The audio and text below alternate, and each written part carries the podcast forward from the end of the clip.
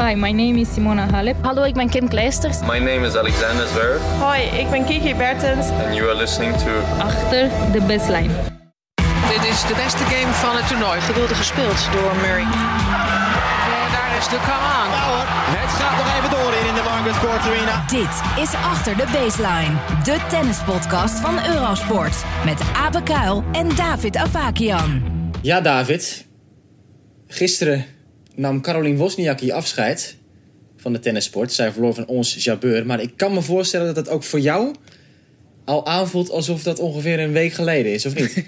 ja, jongen, jongen? Wat, wat, wat gebeurt er allemaal? Zeg? Het is uh, het eerste Grand Slam toernooi van het uh, decennium. En ja, er zit een heel decennium in het ene toernooi, uh, lijkt het wel. Jongen, wat, ja, wat, wat een gebeurtenis achter elkaar. En nu twee dagen op rij. Dus ja, absoluut. Ik, ik weet niet eens waar we moeten beginnen. Maar ik hoop dat jij wat structuur aan kan brengen. Ja, ja, ik ga mijn best doen uh, om dat inderdaad te doen. Het is voor de duidelijkheid nu een paar uur na de overwinning van Kiki Bertens op Sarina Diaz. Bertens heeft voor het eerst de laatste 16 gehaald bij de Australian Open. En we gaan eigenlijk even terugblikken op ja, de ongelooflijke uh, aantallen hoogtepunten, bizarre momenten uh, uit alle derde rondes. Want ja, we nemen om de dag nu steeds een podcast op, om de ronde. En we zullen voornamelijk teruggaan naar die dag van gisteren, David. Want dat was natuurlijk bij uitstek een dag waarin elke wedstrijd zo'n beetje wel een verhaal had en spektakel met zich meebracht. Ja. En laten we maar gewoon gelijk beginnen bij wat toch wel het verhaal van de, de dag was. Want daar kunnen we niet omheen. En, en wat zal blijven hangen bij dit toernooi, dat is het afscheid natuurlijk van uh, Caroline Wozniacki. Allereerst die wedstrijd tegen ons Jabeur. Ja, dat voelt natuurlijk wel een beetje teleurstellend. Dat Wozniacki met zo'n carrière, met zo'n palmares, dat ze dan door... Hè, met alle respect hoor je dan erbij te zeggen... ons Jabeur wordt uitgeschakeld en haar laatste wedstrijd dus speelt op een Grand Slam toernooi. Waarom verloor ze überhaupt van die Tunesische? Waarom ze van haar verloor? Nou ja, inderdaad wat je zegt met alle respect. Dat is natuurlijk een ontzettend getalenteerde speelster. En het is, het is een van die spelers dat op het moment dat zij gewoon goed spelen... Dan, dan kunnen ze eigenlijk iedereen lastig maken. Maar tegelijkertijd kunnen ze een dag later ook weer uh, geen deuk in een pakje boter slaan. En nou, ze, ze, trof, uh, Wozniacki trof uh, ons Jabeur nu op een, op een bijzonder goede dag, kunnen we denk ik stellen. Um, en ja, waarom, waarom verloor ze eigenlijk?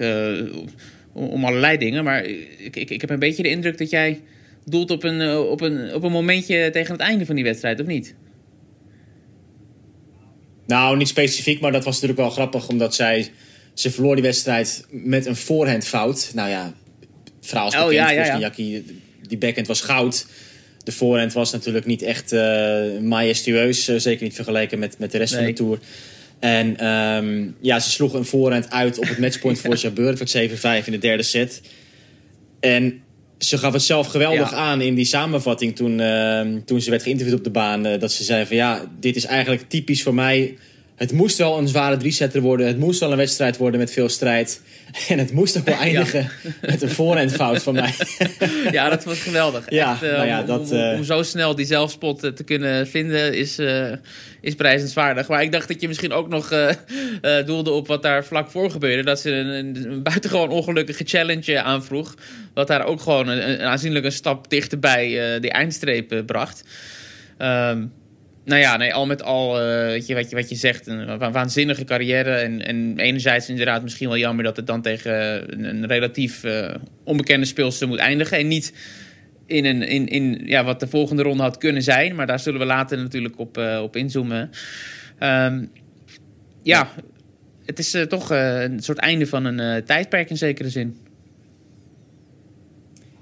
Ja, nou ja, kijk natuurlijk. En we kunnen wel een uur een podcast opnemen over Caroline Wozniacki en alles wat ze heeft gedaan en alles wat ze heeft losgemaakt in de tenniswereld. Ik denk toch ook een beetje aan, aan het, het, ja, het tennis in de mainstream brengen in de sportwereld in Amerika. Hè. Ze heeft een aantal keren in die Sports Illustrated Swimsuit Edition gestaan. Nou, ze is uh, goed bevriend met, met Serena Williams uiteraard. Ze duikt daar vaak op in het sociale, hè, in, in, in, die, in die feestjes en zo allemaal. En dan komt ze weer in alle tabloids en, en uh, magazines. En ze is gewoon, ze is gewoon een ster. Ja in Amerika niet eens per se een tennisster. Ze is ook gewoon een ster geworden ja. daar. Hè? Dat is natuurlijk al een hele prestatie voor een, een meisje uit Denemarken.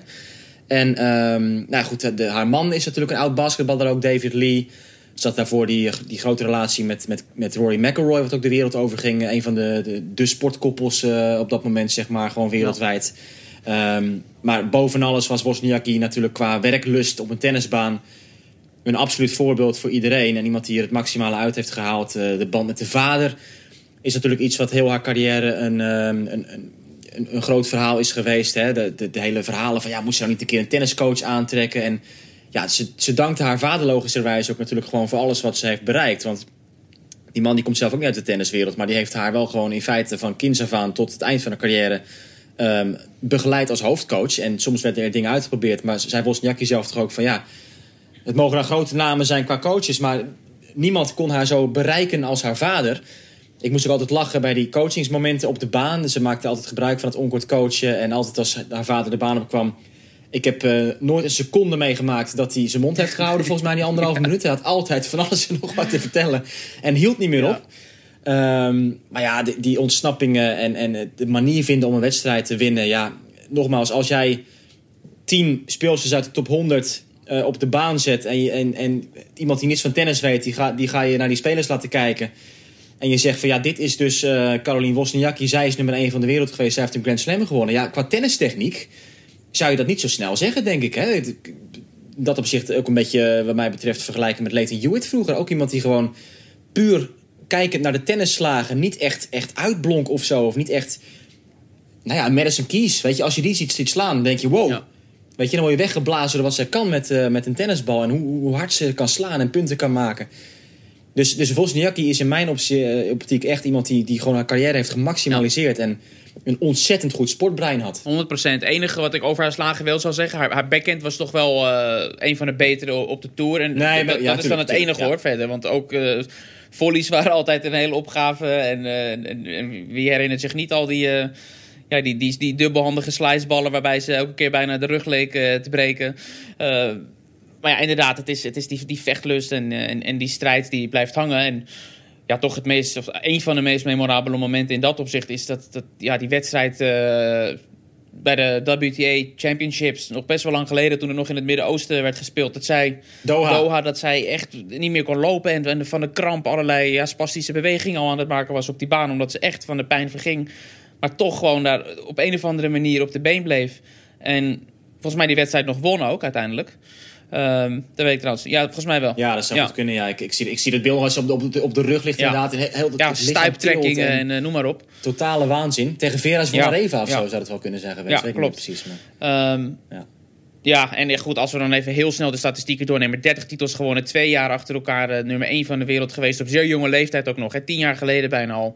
Uh, Grand Slam gewonnen. Ja, mm -hmm. nogmaals, wat jij zegt, echt het maximale eruit gehaald.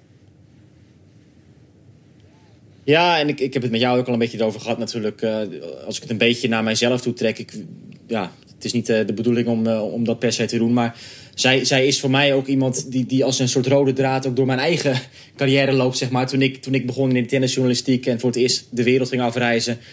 Ja, toen was Wozniacki was, was de ster in opkomst. Hè? Dan heb ik het over de jaren 2007, 2008. En ik kan me nog een trip naar Miami herinneren... waar, waar je ook echt al merkte van als Wozniacki op het park liep... van oh ja, dan hoor je dat gefluister en...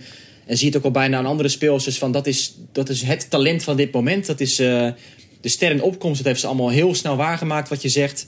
Nummer 1 van de wereld geweest. Uh, was ze 19 of net 20 in ieder geval. In, in Beijing werd ze nummer 1 destijds.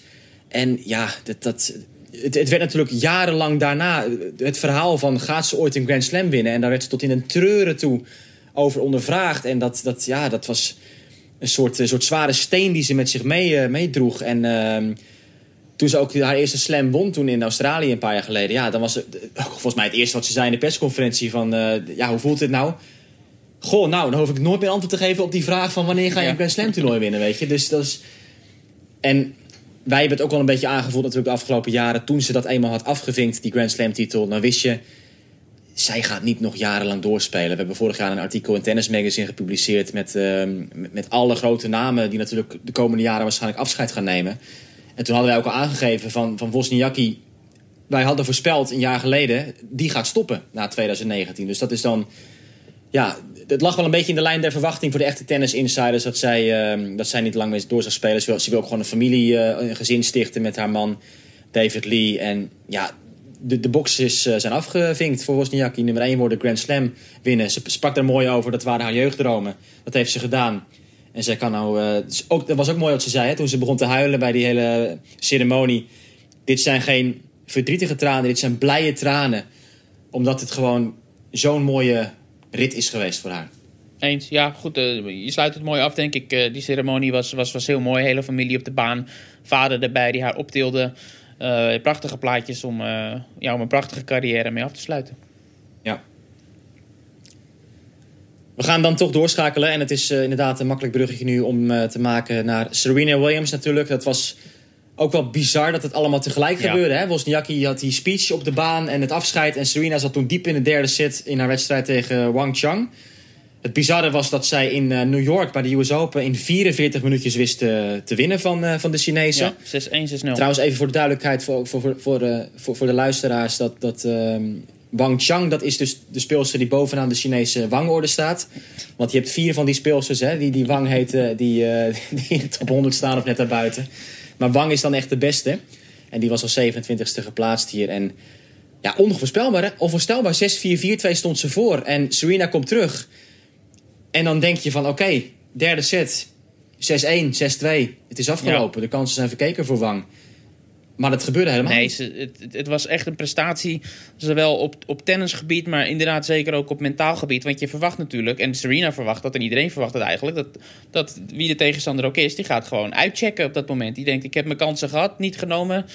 Einde oefening, Serena die neemt het nu over. Maar ze bleef gewoon doen wat ze eigenlijk vanaf het allereerste be- begin gedisciplineerd gedaan heeft. En dat is een soort, ja, zeg maar, op die baseline blijven. Een soort tegelijkertijd verdedigen en aanvallen op dezelfde manier. Alles eigenlijk pareren en, en terugbrengen.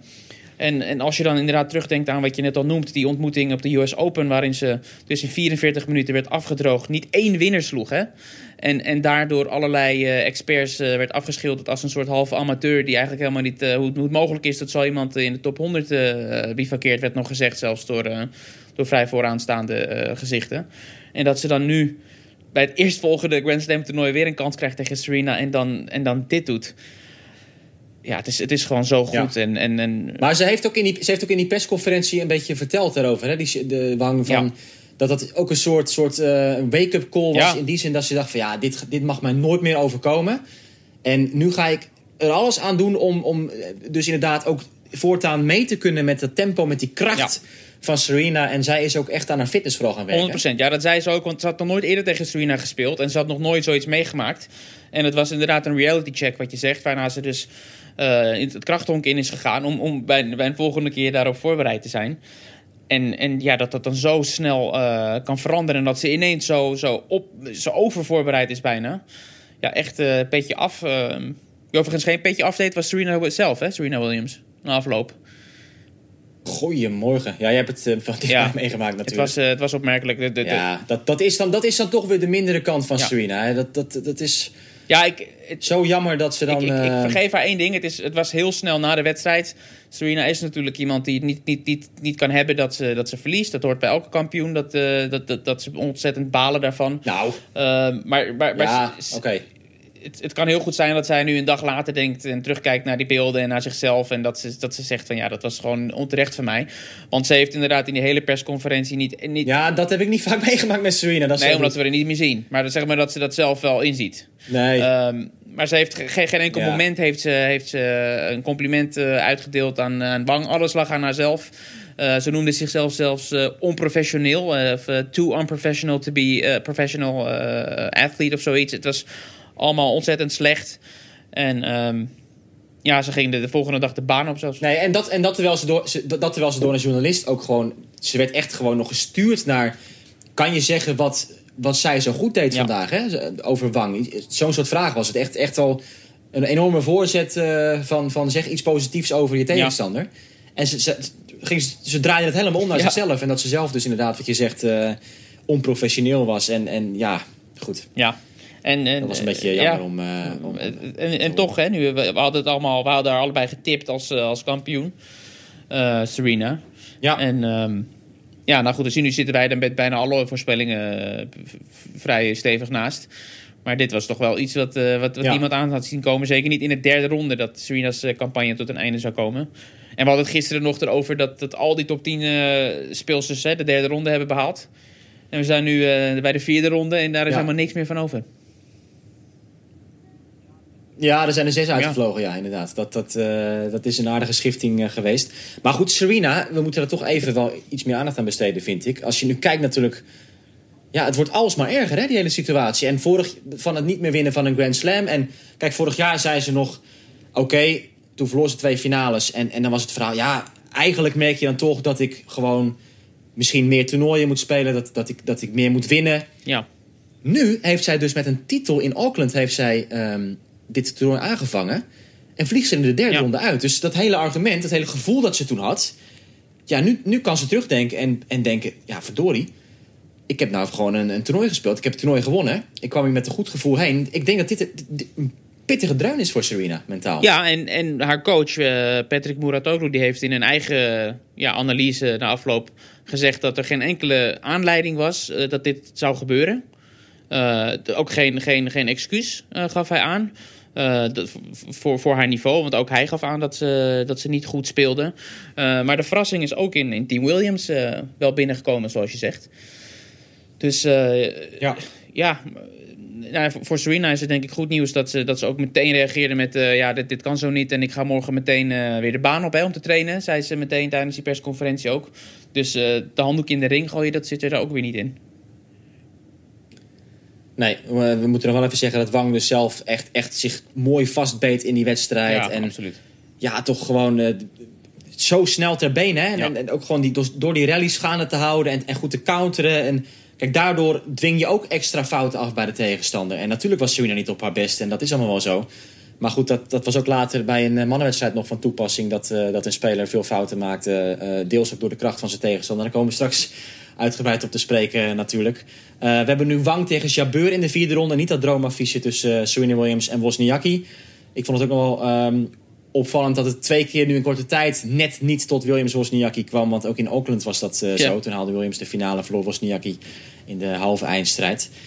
Maar ja, dat, ehm, dat deel van het speelschema is, eh, is dus aardig opengebroken. Ehm, dat was de dagsessie gisteren. Met, met de twee vrouwenpartijen die natuurlijk vooral eruit sprongen. En, en de sensatie. eh, Ashley Barty die deed daar niet aan mee aan sensaties. Die won makkelijk Ja. van Ribakina. Door ons ook aardig gehyped. Ja, ik- 6-3, 6-2. Wat, wat, wat wel grappig is, want, want wij bij onze voorbeschouwingen en in bijna alle voorbeschouwingen hadden wij ontzettend ingezoomd op dat Party Ribakina wel eens eh, de kraker van de dag zou kunnen worden. Gezien het niveau van Ribakina. En dat, dat wordt gewoon echt een, een eenzijdige eh, overwinning voor Barty inderdaad. Ja. Precies. Toen kwam de avondkraker. Naomi Osaka tegen Coco Gauff. Wat gebeurde daar allemaal, David? Ja, wonderlijk. Ik moet eerlijk zeggen dat ik en, en, en ook eh, bijna alle journalisten hier met mij... met allerlei scenario's misschien rekening hadden gehouden... maar met één scenario niet. En dat is dat Coco Gauff gaat winnen van eh, Naomi Osaka. Daar had werkelijk niemand eh, op gerekend. En om nog maar te zwijgen over de, de manier waarop. Hè, want ja, ze wint gewoon eh, met, met, met dikke cijfers. eh 6-3, 6-4 van Osaka, die eigenlijk niet komt opdagen. Is, eh, is, is een beetje de opvatting. Die, die totaal eh uit vorm daar verschijnt. Eh, aan het begin was het op zich nog niet helemaal duidelijk. Wat me wel opviel is dat ze heel kunstmatig aan het huppelen was. En, en, en, en, en Osaka, eh, hè, na, na, na een gemiste bal, deed ze alsof oh, dat is allemaal niet erg. Eh, dat Zo'n uitstraling had ze van eh, volgende punt, volgende punt, maakt niet uit. Maar ja, op een gegeven moment, tenminste ze wel heel veel ballen. En, en, en, en tegen het einde van die eerste set, op een dramatische manier, de ene backhand vooral naar de andere die ze in het net joeg. Ehm, Ja. dus het, het- ja, het, is, het is wonderbaarlijk. En, ehm, en Golf die dan daar tegenover op 15-jarige leeftijd zo, zo cool en eigenlijk daar meteen op inspeelt. Hè, door eigenlijk zelf ook niet, niet te veel te doen, maar dat gewoon toe te laten. Hè, dat Osaka in, in de fout gaat. Ehm, ja, ja, al met al, ik, ik vind het nog steeds ongelooflijk dat, eh, dat, dat Coco Golf op 15-jarige leeftijd van Naomi Osaka, de titelverdedigster, weet winnen. Dit is, het is ongelooflijk. Het is totale gekte. Het is totale gekte. En, en ik, ik vind het extra bijzonder omdat, kijk, het feit dat ze 15 is, dat, is al, eh, dat kan je al bijna niet bevatten. Maar te midden van al die hype, hè, laten we dat toch nog even benoemen. Ja. Want het is niet dat zij nu ineens uit het niets komt en, en verrassen. Nee, zij is al een sterattractie. En ja, ze, ze is daar totaal niet van onder de indruk. Ze, ze gaat heel rustig en, en, en, en, en, en ja, ik zou bijna zeggen ervaren te Ja. werk op die baan. En ze, ze, ze speelt slim en geen emotionele ups en downs lijkt ze te hebben. Ook, eh, dat straalt ze althans eh, totaal niet uit. En dat is echt, echt waanzinnig om te zien. En nou ja, we weten dus hoe het ging in, in New York. Daar werd ze weggeblazen. En, en, en nu, eh, ja, is het vooral Osaka die zichzelf een beetje pijnigde, ook met die vele backhandfouten. Maar ehm, onvoorstelbaar wat hier gebeurt. Ja, en ik vond de persconferentie van Osaka na het verlies ook erg bijzonder en speciaal. En zeker ook in vergelijking met wat we met Serena dus zagen, die, eh, die het niet kon opbrengen om haar tegenstander te complimenteren. Osaka, die natuurlijk ook wist, net als iedereen die die wedstrijd gezien heeft, dat ze gewoon niet goed voor de dag kwam. Dat zei ze ook, eh, ik moet wel een bal in, eh, de baan kunnen brengen. Gaf ze heel droog toe. Ehm, en het meest opmerkelijke wat ze zei was nog wel... ehm, ik, ik ben dol op eh, Coco, maar ik wil natuurlijk niet van haar verliezen. Ik wil niet verliezen van een 15-jarige. En dat kwam gewoon eh, op, op een hele chique manier toch over. Ondanks dat het, eh, ja, misschien als je het gewoon zwart op wit op papier leest, een beetje, een beetje droog is. En, en ze gaf ook aan dat ze ontzettend ja, verdrietig ook was voor haar team. Hè? Want haar ouders die, die zijn er niet, niet heel vaak bij. En zeker haar vader niet. Die zat nu wel in de box. En dat, dat, dat ze dan uitgerekend als, als hij er is, er zo vroeg uitvliegt. En, eh, en ook Wim Vizet, eh, de nieuw aangetrokken coach, die, eh, die ontzettend veel werk erin heeft gestoken om hier goed te presteren. Die ja, daar de vruchten niet van kan plukken.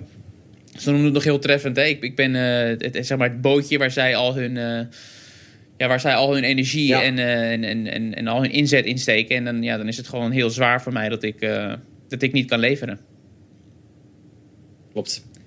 Ja, dat was heel professioneel inderdaad van, eh, van Osaka. Dat viel me ook op hoe zij daar, eh, daarmee omging. En ehm, ja, dan... ehm, En, en, dan- en nog één, één Ja? toevoeging. ehm, om- omdat je natuurlijk net ook aanhaalde die wedstrijd die ze op de US Open tegen elkaar speelden. Eh, Osaka was gewoon domweg verrast door het niveau. Mhm. Dit had ze gewoon niet aanzien komen. En zeker ook de opslag, die, die is aanzienlijk veel beter dan, dan een vier maanden geleden slechts. Gaf ze aan. Dus ehm, ja, dat geeft ook maar aan dat hoe, ja, hoeveel stappen golf dan kan zetten op zo'n eh, korte termijn. Ja. Ja, dat eh, gaat dus allemaal door, dat, dat verhaal van Coco Gauff. Ze gaat spelen Ja. tegen Sofia Kenin in de volgende ronde. Die won van eh Zhang Shuai. Ook een leuke confrontatie natuurlijk tussen, tussen nog altijd twee jonge Amerikaanse. Want Kenin is ook nog altijd vrij, vrij Ja. jong. Die is vorig jaar stevig doorgekomen, nummer 14 geplaatst. Maar Ja. dat allemaal even, ehm, daar gaan we niet verder op in. Want we moeten dan ook even de schakeling maken naar het mannentoernooi. Oh, En dan komen we straks terug op eh, de vrouwen van, eh, van vandaag. Ja, ja. En dan eh, gaan we het allereerst hebben over Stefanos Tsitsipas. Die verloor van Milos Raonic. Gelukkig hebben we daar nog wel een segmentje aan gewijd, David, aan onze, in onze vorige podcast. Ja, ja. Aan de wederopstanding van Milos Raonic. Want dat bleek volkomen terecht. Die heeft gewoon in drie sets gewonnen van, eh van Tsitsipas. Ja, dit is echt En zoeken naar een goede dat- voorspelling. Hè? Dit, is, dit is natuurlijk het enige wat we hebben gezegd... wat uiteindelijk uit is gekomen een beetje. Ja, ja. ja maar goed, ze, ze, hebben, ze hebben ons bijna geschrapt inmiddels vanwege al die slechte voorspellingen. Dus het is onze, onze laatste levensboei is dat om, eh, om hiermee door te gaan. Ehm, getting punched in the face by one shot. Dat is eigenlijk hoe Tsitsipas zijn nederlaag omschreef tegen Milos Raonic. En dan had hij natuurlijk over de service. Het is eh, constant dezelfde marteling eigenlijk voor hem geweest. Die services die op hem, eh, op hem neer eh, werden gebombardeerd door de Canadees. En eh, ja, ik vind het wel leuk hoor, om Raonic. Ik, ik, weet je, ik gun het hem wel. Het is, het is natuurlijk niet de speler waar je, waar je vijf uur op rij op het bankje gaat zitten. Om, eh, om van prachtig tennis te genieten. Maar ja, hij is ook een op- en top professional. Die echt tot in de kleinste details over alles eh, wat hij maar kan doen om, om eh, tennisprof, eh, om het maximaal zijn carrière te halen bezig is. Of het nou van eten is tot, tot, tot bijna hoe hij de zonnebril op zijn hoofd zet volgens mij als hij vrij is. Het, gaat echt heel ver met hem. Ja, zeker. En, en we hebben natuurlijk gezien dat op het moment dat hij ja, alles op een rijtje heeft... en niet wordt teruggeworpen door blessures... dat hij gewoon meedoet aan de absolute top. Ehm, en ik vind het ook wel grappig om te zien dat... Hè, we hebben het steeds over al die next gens... en we hebben het over de verloren generatie... waar eh Raonic een van de gezichten van is... samen met eh, bijvoorbeeld Dimitrov. Ehm, ja, dat hij toch gewoon eh, ja, zo'n plek in het schema... dan oh, toch pakt in plaats van eh Tsitsipas. Waarvan we... Ja, dus waarvan velen al hadden verwacht, die heeft zich nu echt ge- gepresenteerd als een van die, van die toppers die zich nu altijd gaat mengen in die, in die laatste fases van Grand Slam toernooien. Nou, helemaal niks ervan. Hij wordt gewoon, eh de eerste Grand Slam toernooi 2020, wordt hij gewoon in de derde ronde afgestopt door een, nou ja, veteraan is, gaat misschien wat ver. Maar een topper van een generatie daarvoor.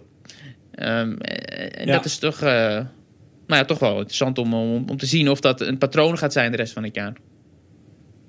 Ja, en die, die moet ook een beetje eh, raar voelen. Enerzijds natuurlijk dat hij gewoon... Hij is jarenlang het gezicht van het Canadese tennis geweest. Hij is echt die, die man geweest die dat allemaal los heeft gemaakt. eh, De tennishype in, eh, in Canada. En nou ja, goed, Bouchard dan bij de vrouwen natuurlijk ook op een gegeven moment erbij. En, en nu is het allemaal Oje Aliassim en Shapovalov wat de klok slaat. Ook bij de ATP Cup pas geleden eh, komt hij gewoon eigenlijk niet aan bod, Raonic. Omdat de Ja. beste twee spelers die moeten daar spelen. hè. En dat zijn de Shapovalov en, en Oje Aliassim op basis van ranking op dit moment.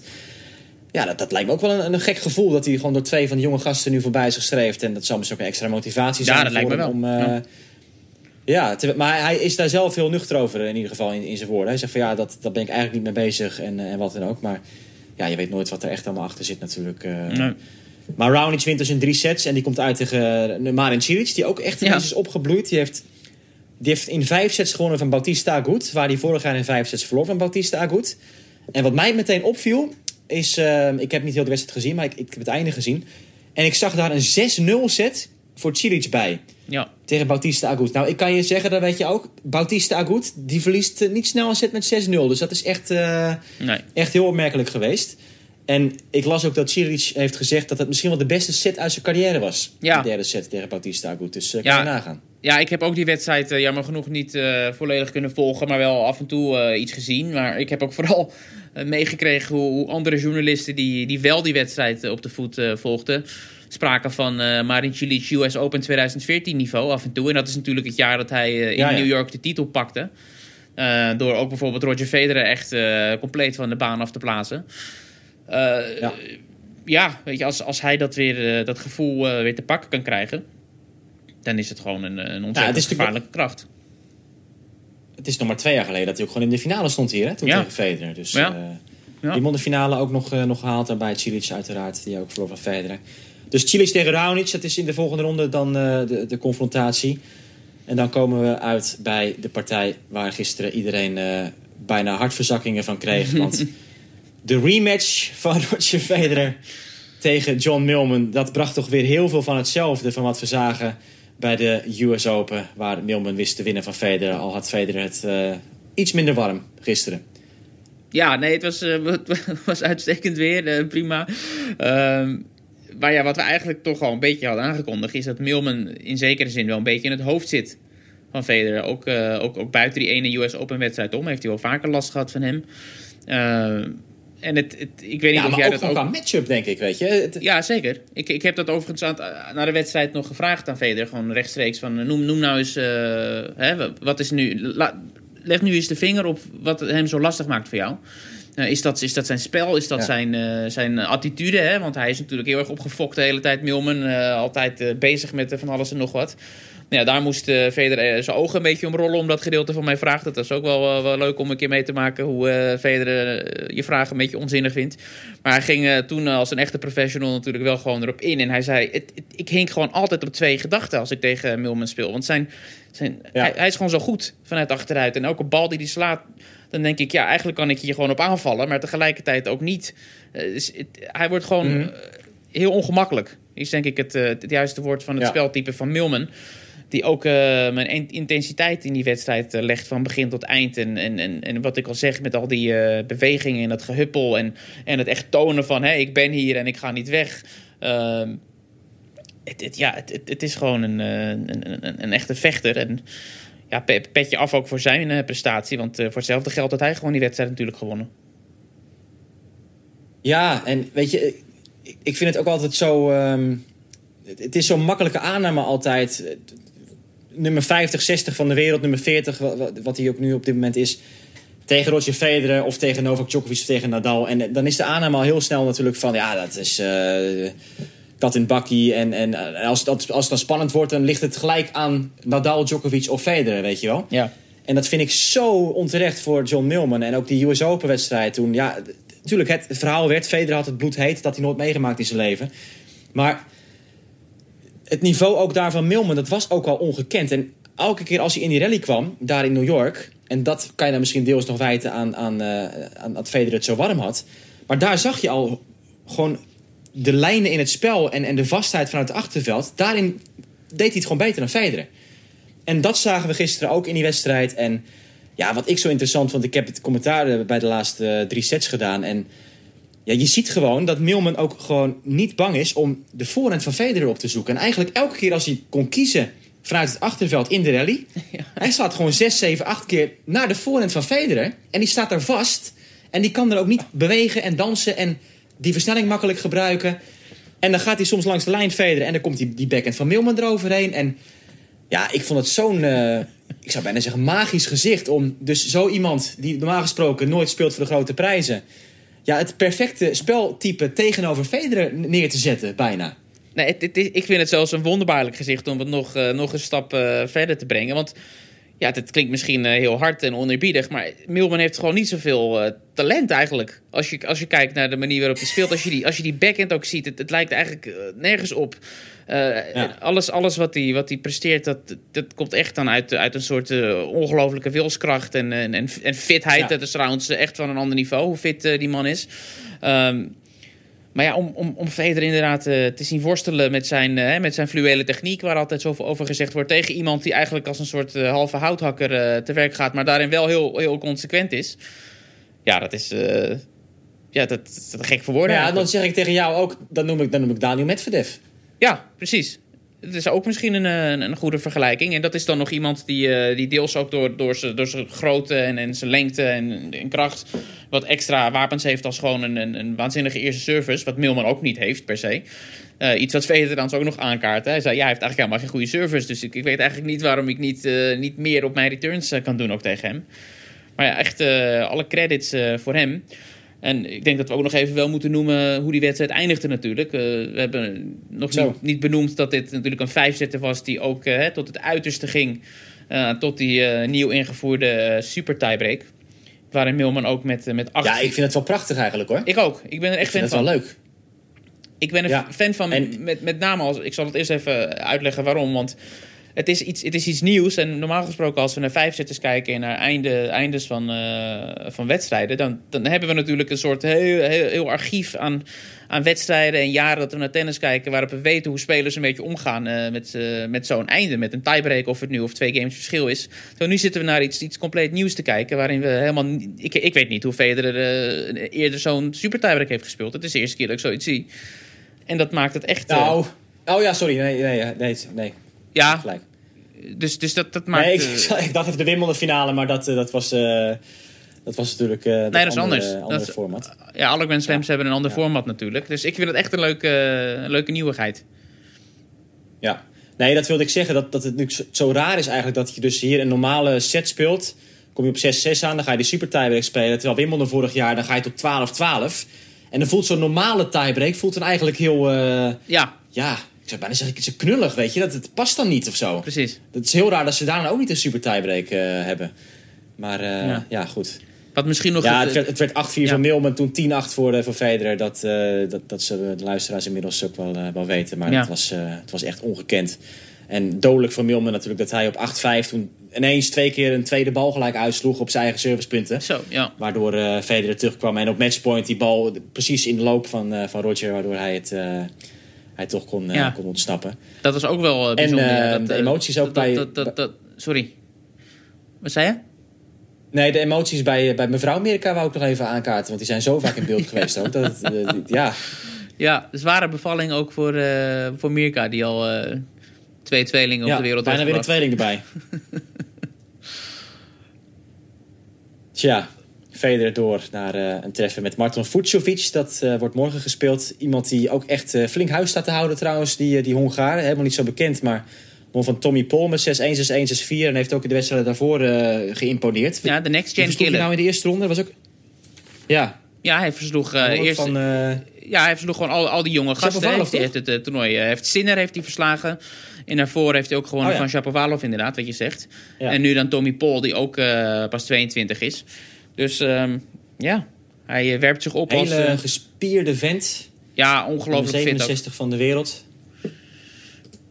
En dat is dus eh, morgen weer een avondwedstrijd voor Roger Federer. Ik denk dat we dan door de dag van gisteren heen zijn, David. Als we het over de absolute krakers hebben. Dan kunnen we doorgaan naar vandaag.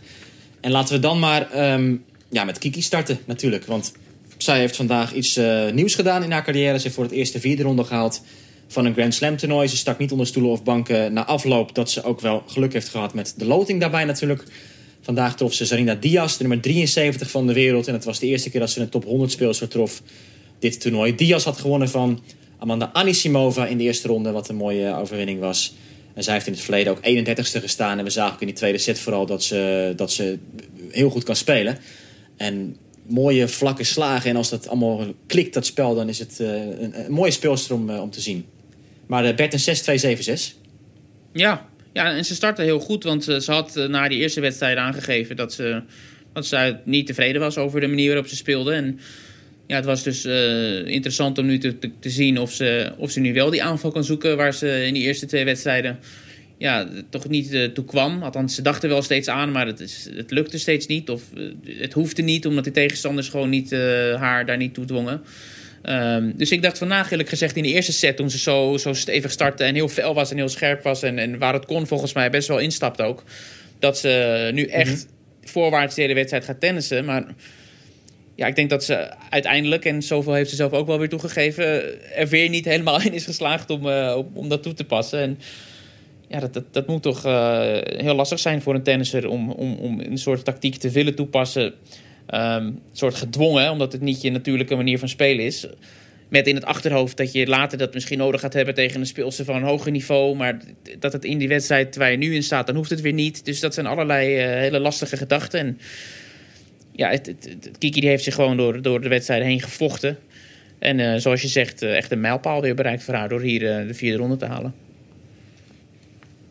Ja, hoe was de reactie verder na afloop van Kiki? Was het echt een, ja, een soort opluchting uh, nog steeds... wat we natuurlijk wel een beetje kennen van Kiki... als het uh, zeker over Grand Slam wedstrijden gaat?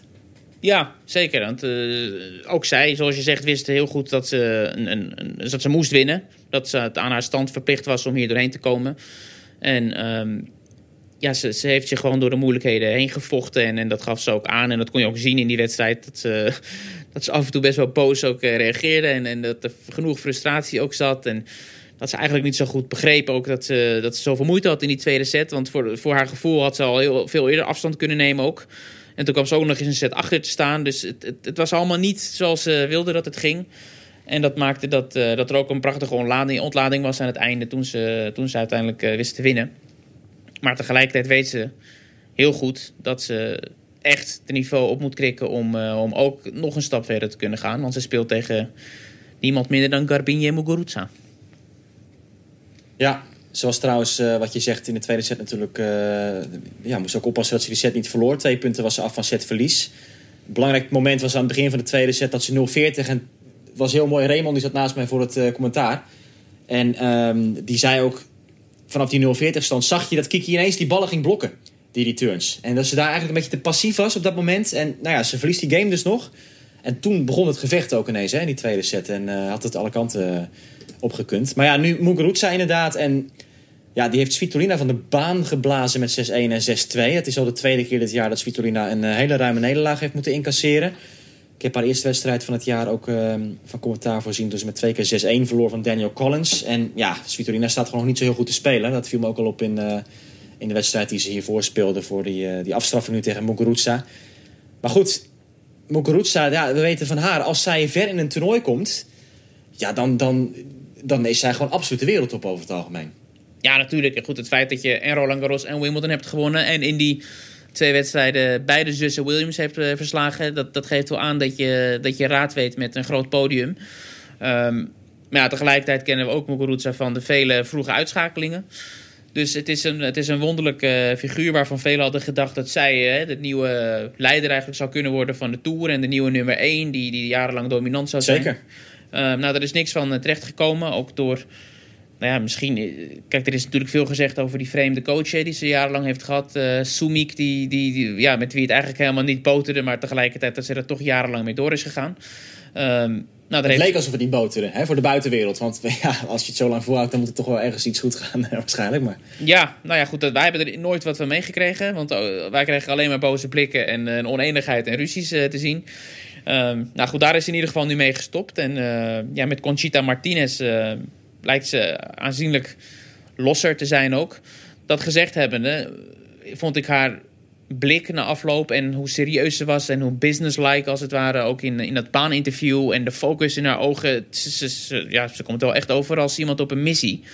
Um, dus Kiki is, is, is echt gewaarschuwd. Ja, ik zat ook met, eh, met Raymond zaten we eh, bij Eurosport voor onze uitzending begon. En eh, ik zei ook al van ja, het heeft natuurlijk eh, afgelopen winter eh, de Mount Kilimanjaro eh, beklommen. Dus misschien toch een keer als ja, toch een soort, soort bijzondere ervaring voor haar geweest. Waardoor ze nu ook anders in haar tenniscarrière staat. En toen Raymond met zijn woordgrappen die we natuurlijk van hem kennen, die zei gelijk van ja, Mount Kilimanjaro beklommen. Ja, nu is de sky the limit. Dus dat, ja, dat, ga, dat gaan we allemaal natuurlijk zien hoe Muguruza dit jaar gaat, gaat beleven. Maar hopelijk niet al te goed tegen Kiki Bertens overmorgen. En ehm, ja, het nieuws is natuurlijk verder dat in dat speelschema waar Bertens zit... het tweede reekshoofd Carolina Pliskova is weggevallen vandaag. Die heeft verloren van Anastasia Pavlyuchenkova. Wat daaraan vooral opvalt is dat Pliskova een 6-0 head-to-head had tegen eh Pavlyuchenkova. Maar in twee tiebreaks moest buigen voor de Russin. Dus die komt ook weer angstig dichtbij voor Bertens... als we terugdenken aan vorig jaar toen ze in de tweede ronde verloor van Pavlyuchenkova. Zij neemt het nu op tegen Angelique Kerber... Ja. Ja, Ja, ik, vingertje ik, gaat omhoog. ik, ik vind het wel grappig dat, dat Pavlyuchenkova dus uit, uitgerekend die coach heeft overgenomen van Muguruza, Sumik. eh, Ja. Waar we het net over hadden. En, ehm, en ja, om, om nog even heel snel iets over die Sumik te zeggen. Die heeft heel veel toppers gecoacht. En heel veel toppers ook tot grote successen gebracht. Waarna ze vrij snel daarna eh, in fysiek eh, in duigen zijn gevallen allemaal. Dus misschien dat, dat hij in korte tijd ook met Pavlyuchenkova grote stappen weet te zetten. En... ja, Pavlyuchenkova is natuurlijk een waanzinnige speelster. En eh, we hebben het vaak genoeg herhaald dat dat iemand is die, eh, meer, dan, heeft meer dan 30 top 10 zegens behaald. zonder zelf ooit in die top 10 te hebben gestaan. Dus het, het, is echt iemand eh, waar ze ook Ki- Kiki natuurlijk in het verleden heel vaak van heeft verloren. Dus het, het is echt een, Ja. een reuze doder, als het ware. Angelique Kerber, daar staat 17 achter. Zij is natuurlijk vorig jaar weer weggevallen. Zij heeft echt hele curieuze seizoenen gehad. Van nummer 1 van de wereld naar... Ja, ineens weer buiten de top 10. En, en toen weer terug naar de, de top. En weer een Grand Slam gewonnen. En toen weer helemaal weg. En nu, nu eh, zou dan dus de volgende stap weer zijn... dat ze omhoog eh, zou moeten schieten op, op de ranking. Als dat eh, traject zich voorzet. Maar ja, dat ziet er natuurlijk voor, voor Kerber ook wel interessant uit nu, dat, dat speelschema. Met nu Pavlyuchenkova en dan Bertens of Muguruza. Ja, dat, dat kan allemaal alle kanten op. Ja. ja, en wat je zegt, weet je, zij won natuurlijk in 2018 Wimbledon toen. En sindsdien, eigenlijk tot dit toernooi, had ze niet één keer de vierde ronde behaald op een Grand Slam toernooi. Dus ze heeft gewoon heel 2019 was ze eh, absent, als het ware, op eh, de grote podia. Ja. En, en nu staat ze nu in die vierde ronde. Dus het is maar de vraag of ze echt, eh, echt tot de eindstrijd en zo weer gaat komen. Maar ja, we weten waar ze toe in staat is. Dus eh, ja, iedereen is gewaarschuwd, denk ik. Ze kan van iedereen winnen. Ja. Paar andere resultaten bij de vrouwen nog van vandaag, eh, David. Eh, Madison Keys, die won van Aranska Rus natuurlijk. En die is ook uitgeschakeld. Oh, dat was gisteren trouwens al, sorry. Eh, maar dat is een van die top 10 speelsters, Ja. 10 ge- top 10 geplaatste speelsters, die is uitgeschakeld. Belinda Bencic vandaag, die ging er met 6 6-0, 6-1 af Zo. tegen Annette Kontaveit. Dat is ook ongelooflijk dat zoiets kan gebeuren. Ehm, ja, Bencic, eh, mooi wat zij na afloop zei is... Ja, ik, ik, ik gun het haar wel dat zij nu van mij heeft gewonnen. Want de vorige keer, toen had zij problemen. Toen was ze, ze heeft een soort slepende ziekte gehad de laatste maanden van vorig jaar. Kontaveit, daardoor moest ze ook opgeven bij de US Open. Tegen Bencic werd, werd dat een, eh, een walkover. Maar dat, ehm, ja, dat is ook wel een, eh, een bizarre uitslag geweest natuurlijk. En eh, ja, Donna Vekic verliest dan nummer 19 geplaatst van de jonge Poolse Iga Swiatek. Die ook nog een soort filmpje heeft geplaatst. Of althans de WTA deed het over hoe je die naam moet uitspreken. Ik ben het alweer vergeten. Maar er Sviontek. staat Swiatek, maar je... Ja, precies. Goed, dat, eh dat terzijde. Simona Halep is doorgegaan. En ehm, ja, dat zijn de belangrijkste vrouwenuitslagen eh, van vandaag. Bij de mannen, David, is er ook wel weer eh, natuurlijk wat om over te praten. Ehm Nick Kyrgios, laten we daar maar mee starten. Het einde van de tennisdag. Weer zo'n tiebreak vijfde set tegen Karen Gatchanov. Die, ook, die hebben elkaar aardig afgemat, die, die twee. Ja, jij vraagt mij nu naar een wedstrijd die ik eh, eigenlijk nauwelijks heb gezien. Omdat ik met Kiki eh, de wedstrijd en eh, bijbehorende persverplichtingen bezig was. Maar ik heb wel het, het begin gezien en het eind, die super tiebreak die je noemt. En wat ik lees en wat ik hoor en de highlights die ik zie, is dat echt een ongelofelijke partij geweest. En, en voor Nick Kyrgios sowieso voor het eerst dat hij zo'n lange wedstrijd speelt. Ehm, in zijn Melbourne Arena natuurlijk ook, wat hij altijd aanvraagt, zijn favoriete stadion. Eh, dat vol zit met, eh, met, met zeer meelevend publiek ook. En het heeft er alles mee te maken dat dat stadion ehm, ja, open is eigenlijk voor de mensen die een ground pass hebben. Dus als je gewoon een ticket hebt om daar rond te lopen, dan kan je dat stadion in. Zonder een, een echt Ik toegewezen heb dat letterlijk verteld ook in de uitzending vandaag. Maar dat, dat is dus... Oké, Het nou is ja. bijna alsof je mijn woorden precies oplijst. Is eh, Oké. Ja. Eh, ja. Eh, en, en ja, dat is gewoon eh, hartstikke leuk altijd daar binnen. Er was overigens nog een vechtpartij hè, op de tribunes. Ik weet niet of je dat nog hebt meegekregen eh, tijdens die, althans voor die wedstrijd. En ja, Ja. Dat, dat, dat werd een ongelofelijke eh, kraker. Eh, we- weer op de late avond. Gisteren was het die wedstrijd van Federer. Nu dan van Kyrgios en, en Gatchanov. En Kyrgios komt 2-0 voor in sets. Komt in die derde set dan met, eh, met een break voor. En hij lijkt het gewoon in drie sets af te kunnen maken. Eh, nou ja, verliest in de tiebreak de derde set. In de vierde set krijgt hij weer een matchpoint. Matchpoint. Eh, Weer verliest hij in de tiebreak. En ja, dan belanden ze uiteindelijk eh, in, in, in die laatste set. En eh, ja, eigenlijk is het bijna niet meer bijzonder dat we naar die super tiebreak gaan. Want er zijn al echt best veel wedstrijden dit toernooi eh, echt tot het einde gegaan. En Ja, daarin, de laatste dagen vooral. ja. Ja. En, en, en daarin ook hè, 10-8 uiteindelijk voor, eh voor Nick Kyrgios. Ja, en toen eh, kwam het onkort interview en zei Kyrgios... eh, mijn benen voelen aan als, als 40 kilo. En Ja. hij moet natuurlijk overmorgen tegen Nadal gaan spelen. Ja, dat is natuurlijk voor Nadal wel een zegening geweest... dat Kyrgios niet met 6-2, 7-6, 6-3 die wedstrijd won vandaag tegen Gatchanov... maar dat hij vier uur en drie kwartier bijna op de baan heeft gestaan. Eh, ja, dat wordt natuurlijk echt, echt eh, waanzinnig over twee dagen. Als Kyrgios dan fit is, dan, eh, dan gaat het dak eraf. Ja, en ik vond het vrij opvallend. Hij werd gevraagd daarna van... Hè, hoe gaat het nu verder fysiek? Want je hebt natuurlijk in die wedstrijd... dat hij ook nog medische behandeling buiten de baan... omdat hij bij het, ja, bij het landen na het serveren... een soort ja, bilspier voelde. En, en, dat was niet ideaal. En tijdens die wedstrijd had hij ook nog een handblessure... Hè, dat het bloed uit zijn hand stroomde. Ehm, maar hij werd dus gevraagd naar... Ja, en nu? Nadal. Dat is natuurlijk niet ideaal na zo'n eh, lange wedstrijd. En eigenlijk eh, zei hij direct... Nou, ik voel me eigenlijk hartstikke goed. Ik, ik maak me totaal geen zorgen over dat ik dan eh, geen energie zal hebben.